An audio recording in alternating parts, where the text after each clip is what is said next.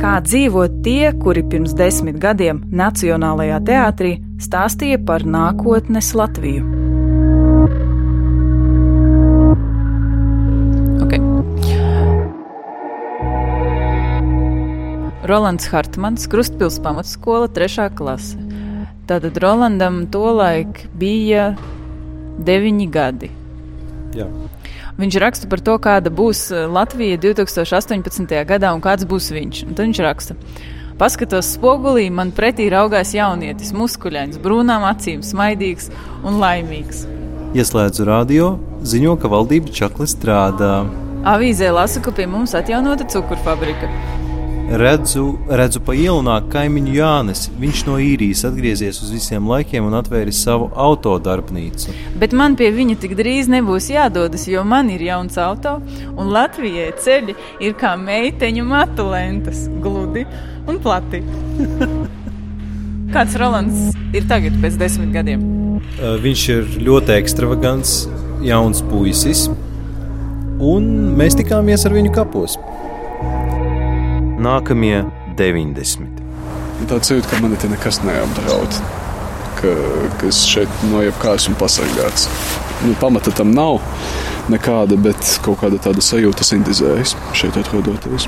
Rolandam vispār nepatīk, kāds viņš bija pagātnē. Es apbrīnoju to, kā, kā visus tos gadus man nevarēja izturēt un paciest.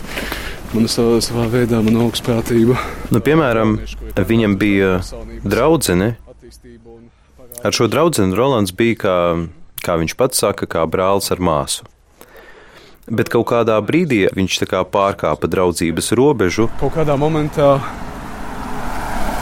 tu apzinājies, ka esi svarīgāks par, par otru cilvēku. Domāju, ka tev interesē tieši kā, kā tu pavadīsi laiku, ko tu vēlējies. Es sāku izteikt kaut kādas pretenzijas, un tas viss beidzās ar šausmīgu strīdu. Uh, varbūt tika pazaudēta māca e, ieklausīties un, un saprast otru cilvēku. Protams, tas viņu tā kā sagrāva.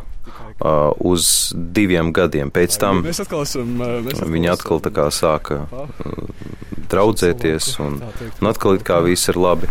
Un tagad es šo cilvēku dievinu, es viņu brīnoju. Tagad viņš ir pavisam savādāks. Es varu vainot tikai vienīgi sevi un uh, sava veida augstprātību un savu mērķi apgaismot, apgaismot uh, citus par savu pārliecību, kas īstenībā ir uzspiešana. Jautājums ir, kas ir pie tā novedis? Un tad Rolands min vairākus dzīves aplausienus viņa vārdiem runājot, kas ir notikuši. Uh, tā ir slimība. tā, bija, tā bija slimība un bailes par, par savu eksistenci. Un... Visu šo ārstēšanās laiku Rolands pavadīja slimnīcā. Tie bija vairāki mēneši. Un uh, visu šo laiku viņam bija tāda stabila 37 temperatūra. To neciešamo galvas sāpju un, un tādu nolemtību. Un tad, tad teicu, tad ir, tad nav. Un tieši man liekas, ka tā neziņa un tā, tā gaidīšana lika visu apdomāt. Tagad viņš ir kļuvis tāds man spontāns, neprognozējams. Oh, un um, man bija jārīko uh, liels, liels uh, pasākums un uh, tēma bija Holivuda. Un, uh, un vajadzēja ierasties kā kādam tēlam. Un man patīk diezgan neordināras lietas, un es ierados kā aktrise Sofija Vergara. Es paņēmu uz sievieti, kas ir diezgan, kas diezgan neierasti. Varbūt šādai videi. Rolandam patīk arī grausti, tāpēc mēs bijām arī tur. No tavas nogāztās sienas. Es teiktu, ka grausti ir šī stāsta interesantākā daļa.